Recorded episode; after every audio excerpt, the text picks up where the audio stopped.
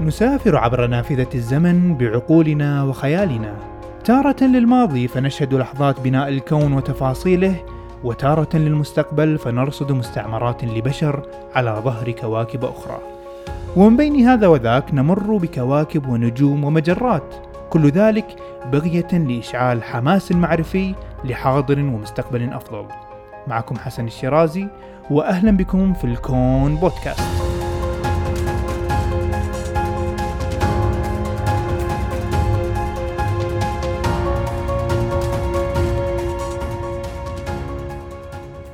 السلام عليكم. في الحلقة الماضية شرحنا آلية عمل العلم والمنهج العلمي وتطرقنا كذلك لحدود العلم وبعض المواضيع والنقاشات في النظرية العلمية. في حلقة اليوم لن يكون الحديث في الجانب النظري للعلوم وفلسفتها ولكن سنغوص في الأدوات التجريبية والعملية التي يستخدمها العلماء في علوم الفلك والفضاء لبناء المعرفة وفهم الواقع والحقيقة الفيزيائية والطبيعة لهذا الكون. بحيث نجيب على تساؤلات مهمة من قبيل كيفية حساب كتلة الكواكب أو حساب أبعاد النجوم أو كيفية معرفتنا للمواد التي يتكون منها السديم مثلا ونحن لم نغادر الأرض.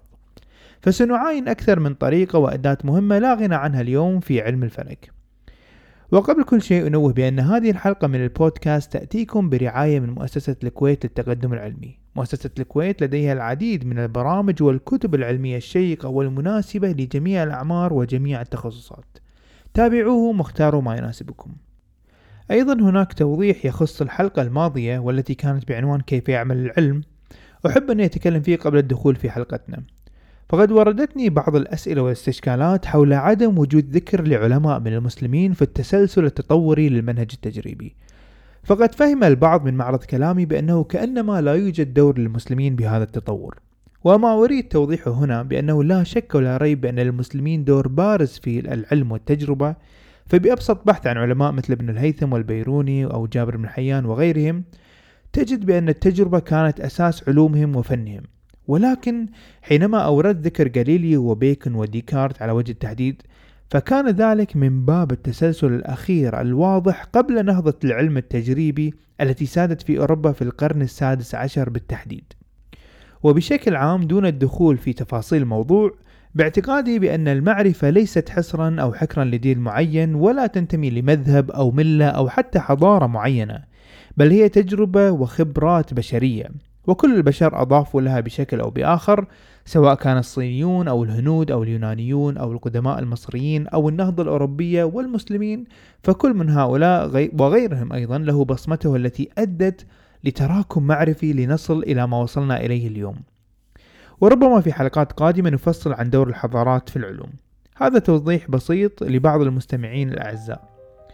أما الآن فهيا بنا ندخل في صلب موضوع حلقتنا اليوم ونتعرف على أهم الطرق والمنهجيات العلمية التي يعتمدها العلماء لاستكشاف أسرار هذا الكون العجيب.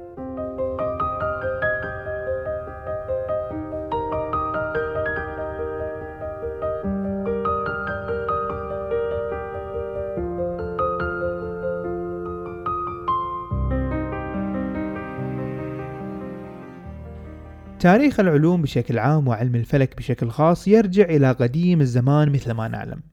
فالقدماء كانوا يعتقدون بأن السماء والنقاط اللامعة فيها كانت تسكنها المخلوقات مثل الملائكة أو الشياطين أو الأبطال أو الآلهات مثل ما كان يعتقد في الحضارة اليونانية القديمة وغيرها. فلذلك كان تفسير الظواهر التي تحدث في حياتهم مثل سقوط الأمطار والفيضانات أو انفجار البراكين أو حتى ظواهر بسيطة مثل تعاقب الليل والنهار كانت تفسر على أساس الخرافات والخزعبلات. وهذا الشيء غير مقصور على حضارة معينة بل على كل البشر. فنرى بأن الحضارة الفرعونية مثلا في مصر القديمة كانت تفسر الحمرة المغربية أو اللون الأحمر المصاعب لغروب الشمس بأنها معركة شرسة بين قوى الشر وقوى الخير في العالم وهذا اللون الأحمر هو تطاير الدم من تلك المعركة. وإن ظهر الصباح وأشرقت الشمس على الدنيا في اليوم الموالي فذلك يعني أن قوى الخير هي التي انتصرت. فانظر مثلا كيف أن ظاهرة بسيطة مثل الشروق أو الغروب يتم تفسيرها على أساس مخلوقات خارقة كونية تتقاتل. أو هناك مثال آخر مثلا في الدول الإسكندنافية فعند حدوث ظاهرة خسوف القمر اعتقد الناس في تفسيرها بأن هناك ذئبا قد أكل جزء من قمرهم وكان عليهم أن يخرجوا ويقرعوا الطبول بشدة حتى يخاف ويبتعد ويترك القمر بحاله مرة أخرى. وقد وجدت أن مثل هذا الشيء موجود حتى عندنا في المنطقة العربية في بعض الثقافات بالعراق أو السعودية أو المغرب وحتى الكويت كذلك. ولكن الذي يختلف هو تغير اسم المخلوق الذي كان يحاول أكل القمر. والشاهد من هذه القصص والثقافات بأنه في حال غياب طريقة سليمة ومنهج قويم يعتمد عليه لتفسير الظواهر الطبيعية ستكون هناك تأليفات وتأويلات غير مطابقة للواقع والحقيقة. والإنسان أبعد ما يكون أن يريد مثل هذا الشيء بل العقل والمنطق يحثنا على فهم الطبيعة واستغلال مصادرها لمصلحتنا ولما فيها الفائدة لحياة أفضل للجميع وكذلك الديانات تحث الإنسان على البحث الحثيث عن الحقيقة وتمحيص الأفكار قبل الاعتقاد فيها وهو غاية المطلوب من إعمال العقل وتحريكه. وأفضل أداة طبيعية بلا شك هي أداة العلم.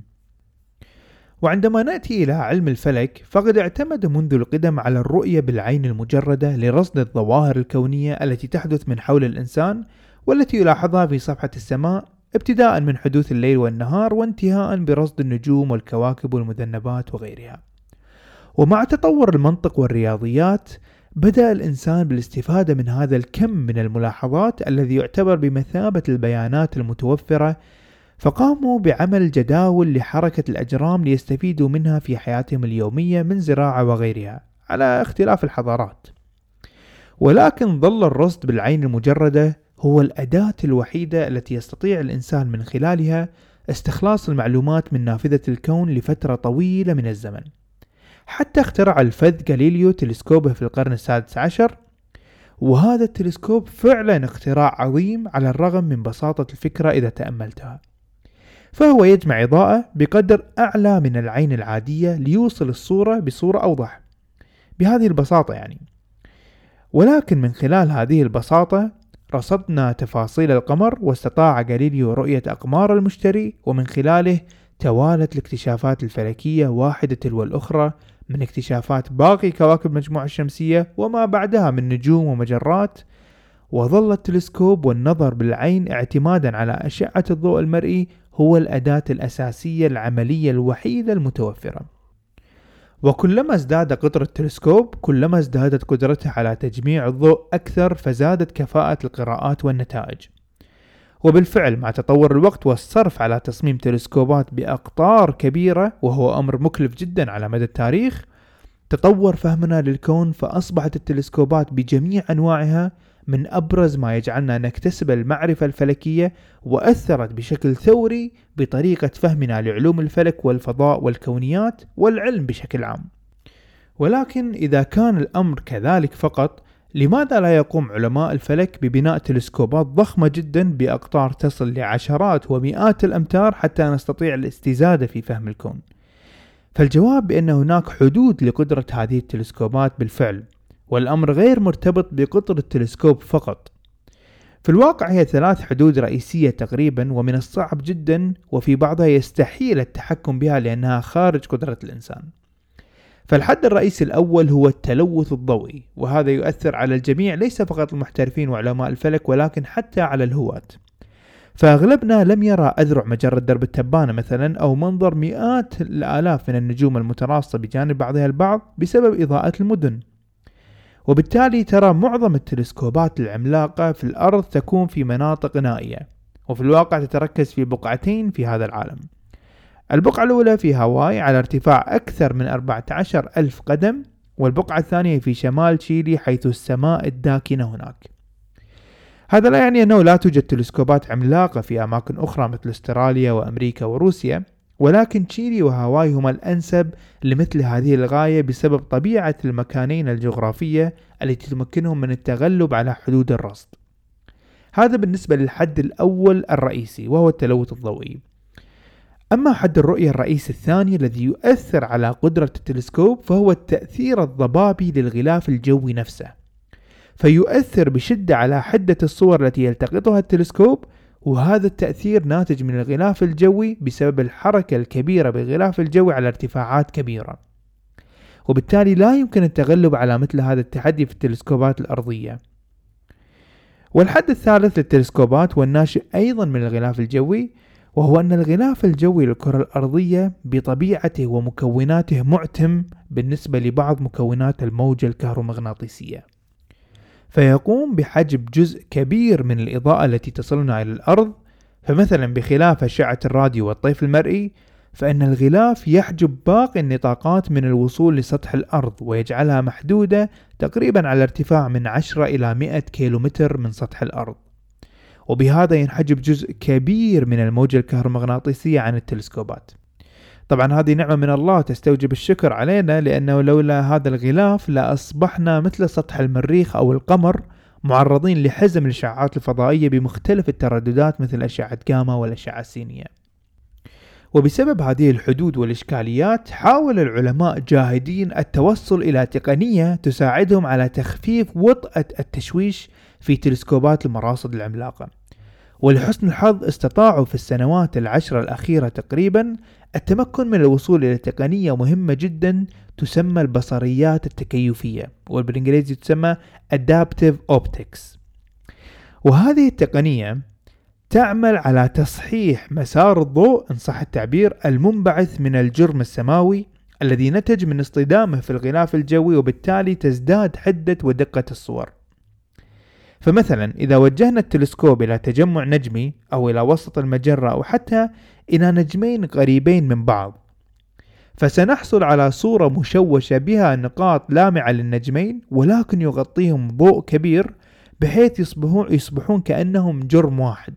وهذا ناتج من تداخل أضواء النجوم مع بعضها. وبفعل تقنية التكيف هذه تعمل على تقليل التشوش وتظهر النجوم كنقاط منفردة دقيقة بدون التشويش. وطريقة عمله ببساطة هي وجود مرآة ثانوية تساعد المرآة الرئيسية في التلسكوب على استخلاص أو مسح تأثير الغلاف الجوي لحظة الرصد الذي تكلمنا عنه قبل قليل. وهذه المرآة على الرغم من صغرها مقارنة بالمرآة الرئيسية إلا أنها مكلفة جدا تصل إلى مليون دولار تقريبا أو أكثر حتى بسبب دقتها والتعقيد في عملها. هذا بشكل مختصر لتقنية التكيف. وهناك تقنية أخرى مهمة جدا تدعى التداخل وبالإنجليزي تسمى interferometry. وباختصار كذلك هي القدرة على تجميع نتائج عدة تلسكوبات مصفوفين بطريقة معينة لتكون النتيجة كأنه تلسكوب كبير جدا. يعني بدل أن أعمل تلسكوب بقطر 100 متر وهو شيء مكلف جدا جدا وقد تصل كلفة المرصد إلى أكثر من مليار دولار. لا بدلا عن ذلك يمكن تصفيف تلسكوبات بأقطار صغيرة ولكن موزعة على طول قطر دائرة 100 متر واستخدام تقنية التداخل في البيانات. وبذلك أكون كأني جمعت الضوء من تلسكوب بقطر 100 متر. ولكن النقطة الرئيسية والمفصلية في هذه التقنية هي أن يتم تجميع الإضاءة بنفس الوقت لكل التلسكوبات وهذا يتطلب دقة لا نهائية في التسجيل. وهذه التقنية تعمل بشكل أفضل بالنسبة للطول الموجي الراديوي وذلك لأنه أكبر بكثير من باقي أشعة الموجة الكهرومغناطيسية. ويمكنك الآن القيام ببحث سريع على جوجل عن مرصد يسمى Very Large Array موجود في نيو مكسيكو لتخيل كيف يمكن أن تعمل مثل هذه التقنية أو كيف على الأقل تصطف هذه التلسكوبات. وهذا المرصد يغطي مساحة وبالأحرى يعطيك كفاءة قراءة لتلسكوب راديوي بقطر 25 كيلومتر. فتخيل حجم التوفير الذي عملته هذه التقنية. وهناك مرصد ألما كذلك أعتقد في جبال تشيلي نصبوه على ارتفاعات عالية حتى يرصد موجات قادمة من أجرام سماوية ولكن بأطوال أقل من الموجة الراديوية بكثير. فنرى بأن الاعتماد ليس مقتصر على أشعة الطيف المرئي فلو كان الأمر كذلك كما كان سابقا لأصبحت الاكتشافات الجديدة جدا صعبة في مجال الفضاء والكونيات. لدرجة قادت الفيلسوف الفرنسي أوغست كومت بالقول بأننا كبشر لن نتمكن من معرفة مكونات النجوم أبدا مهما فعلنا وذلك بسبب البعد السحيق التي تبعده عنا. ولكن بوجود العلم والرغبة البشرية في التقدم في شتى المجالات اخترع البشر طريقة تساعدهم في فهم الفضاء والكون وكان ذلك باستخدام الأداة التي لا غنى عنها اليوم وهي التحليل الطيفي. وبعد قليل سنتعلم عنه بالتفصيل لأن معظم الاكتشافات الفلكية تعتمد بشكل جوهري على هذا التحليل والذي يسمى بالإنجليزية بالسبكتروسكوبي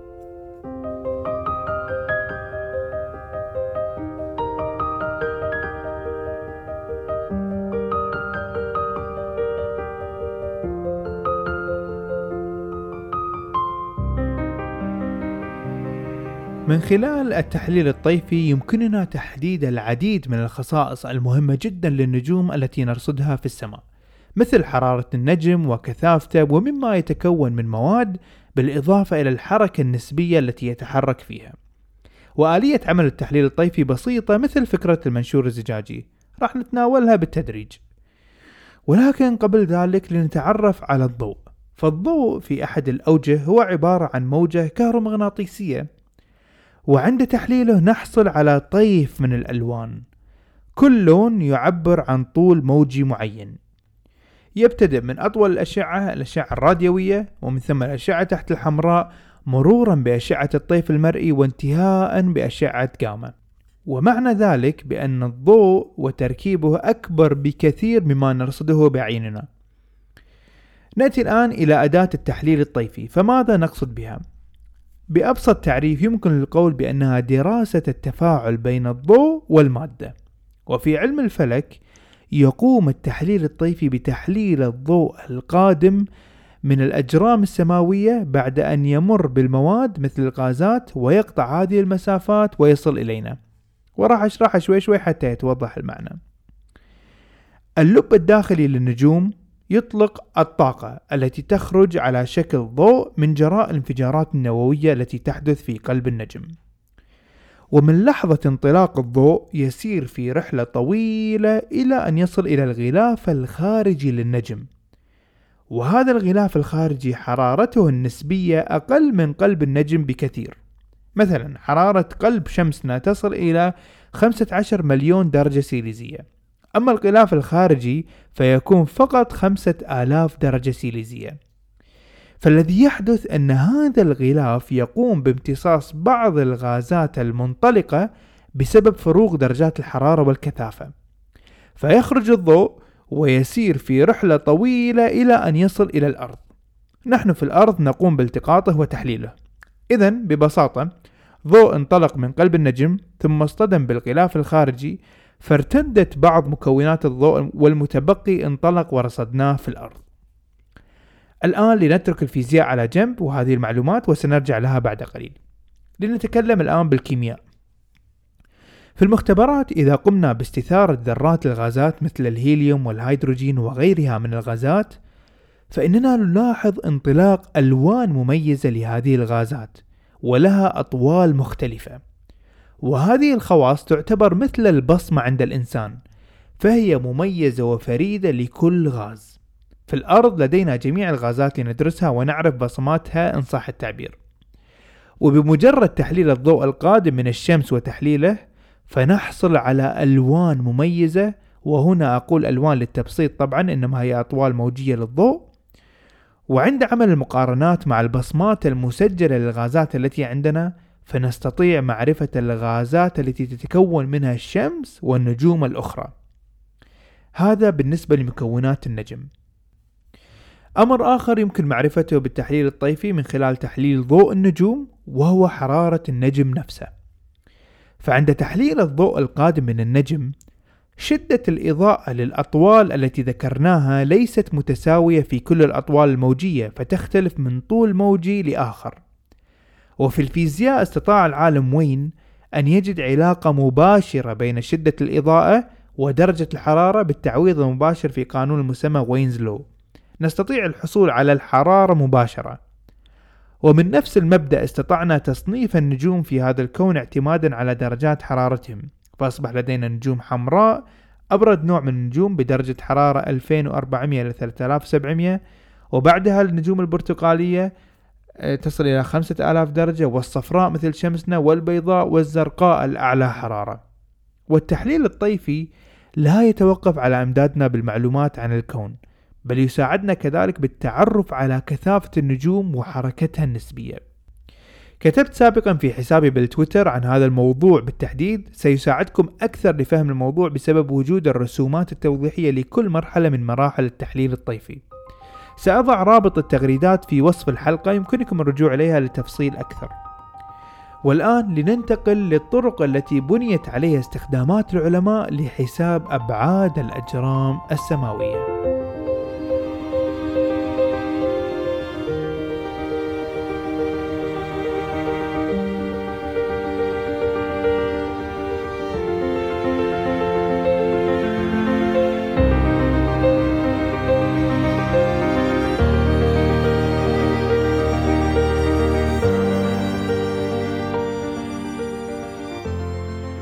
عند النظر إلى النجوم في السماء وإدراك مدى بعدها عن الإنسان والأرض ندرك مدى صعوبة قياس المسافات إليها وقد يتسلل الشك للإنسان على قدرته للوصول إلى قياس أبعادها. فمثلا أقرب النجوم ألفا سنتوري يبعد عن الأرض 40 تريليون كيلومتر. وإذا أردت أن تصل إليه باستخدام الطائرة قد تستغرق الرحلة حوالي خمسة ملايين سنة. وبسبب هذه الأرقام الفلكية الكبيرة جدا ابتدع العلماء وحدة حساب للمسافات تسهل عملية الحسابات وهي السنة الضوئية. والسنة الضوئية عبارة عن المسافة التي يقطعها الضوء خلال سنة واحدة فإذا هي وحدة قياس مسافات وليست وحدة زمنية. ولكن كيف تم احتساب المسافة في المقام الأول؟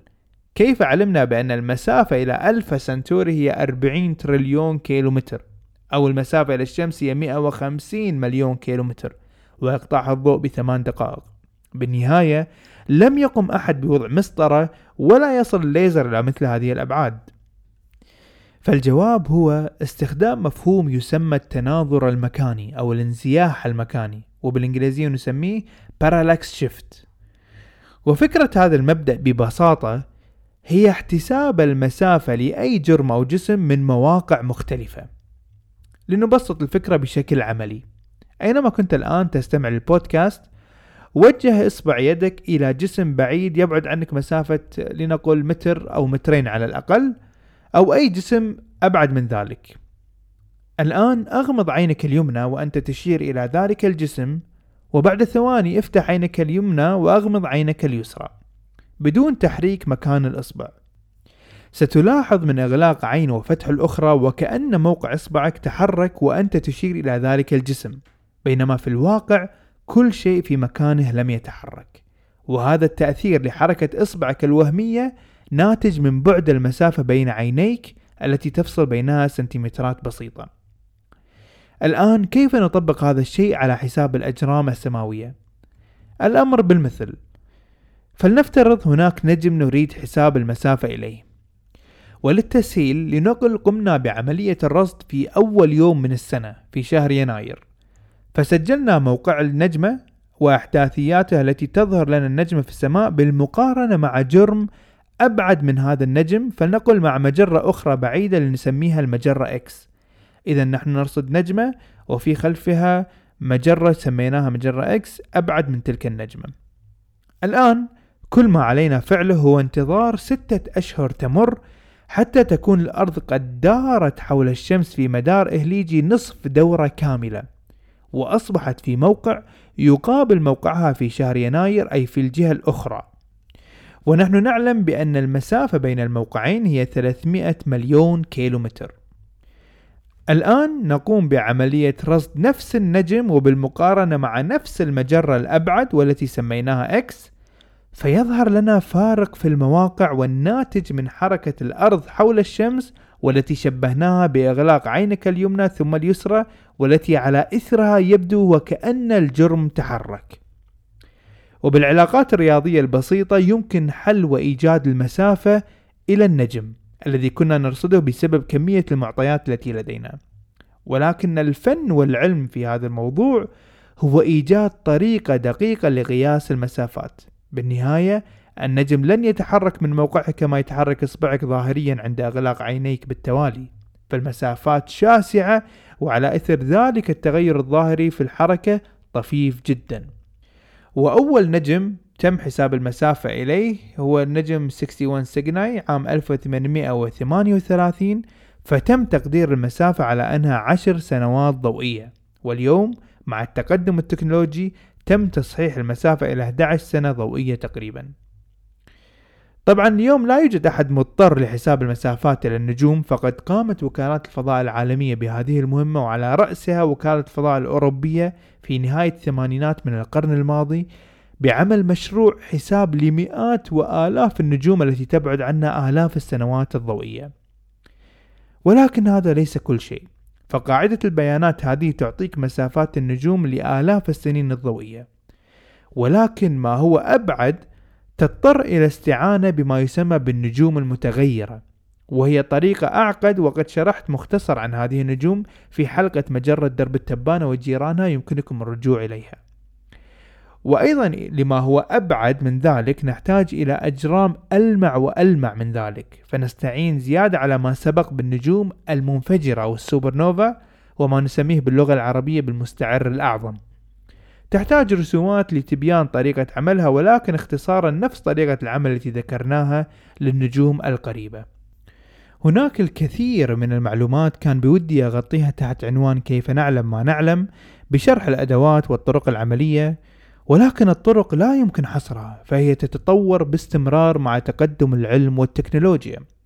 فمثلا لاحتساب كتلة الكواكب في المجموعة الشمسية الآن يكفيك أن ترسل مسبار يمر بجانب الكوكب أو القمر فيتأثر بجاذبيته ومن خلاله يمكن معرفة كتلة الجرم بالنظر إلى التسارع أو التباطؤ الذي طرأ على المسبار. وهذه الطرق لم تكن متوفرة سابقا قبل عصر الفضاء الحديث.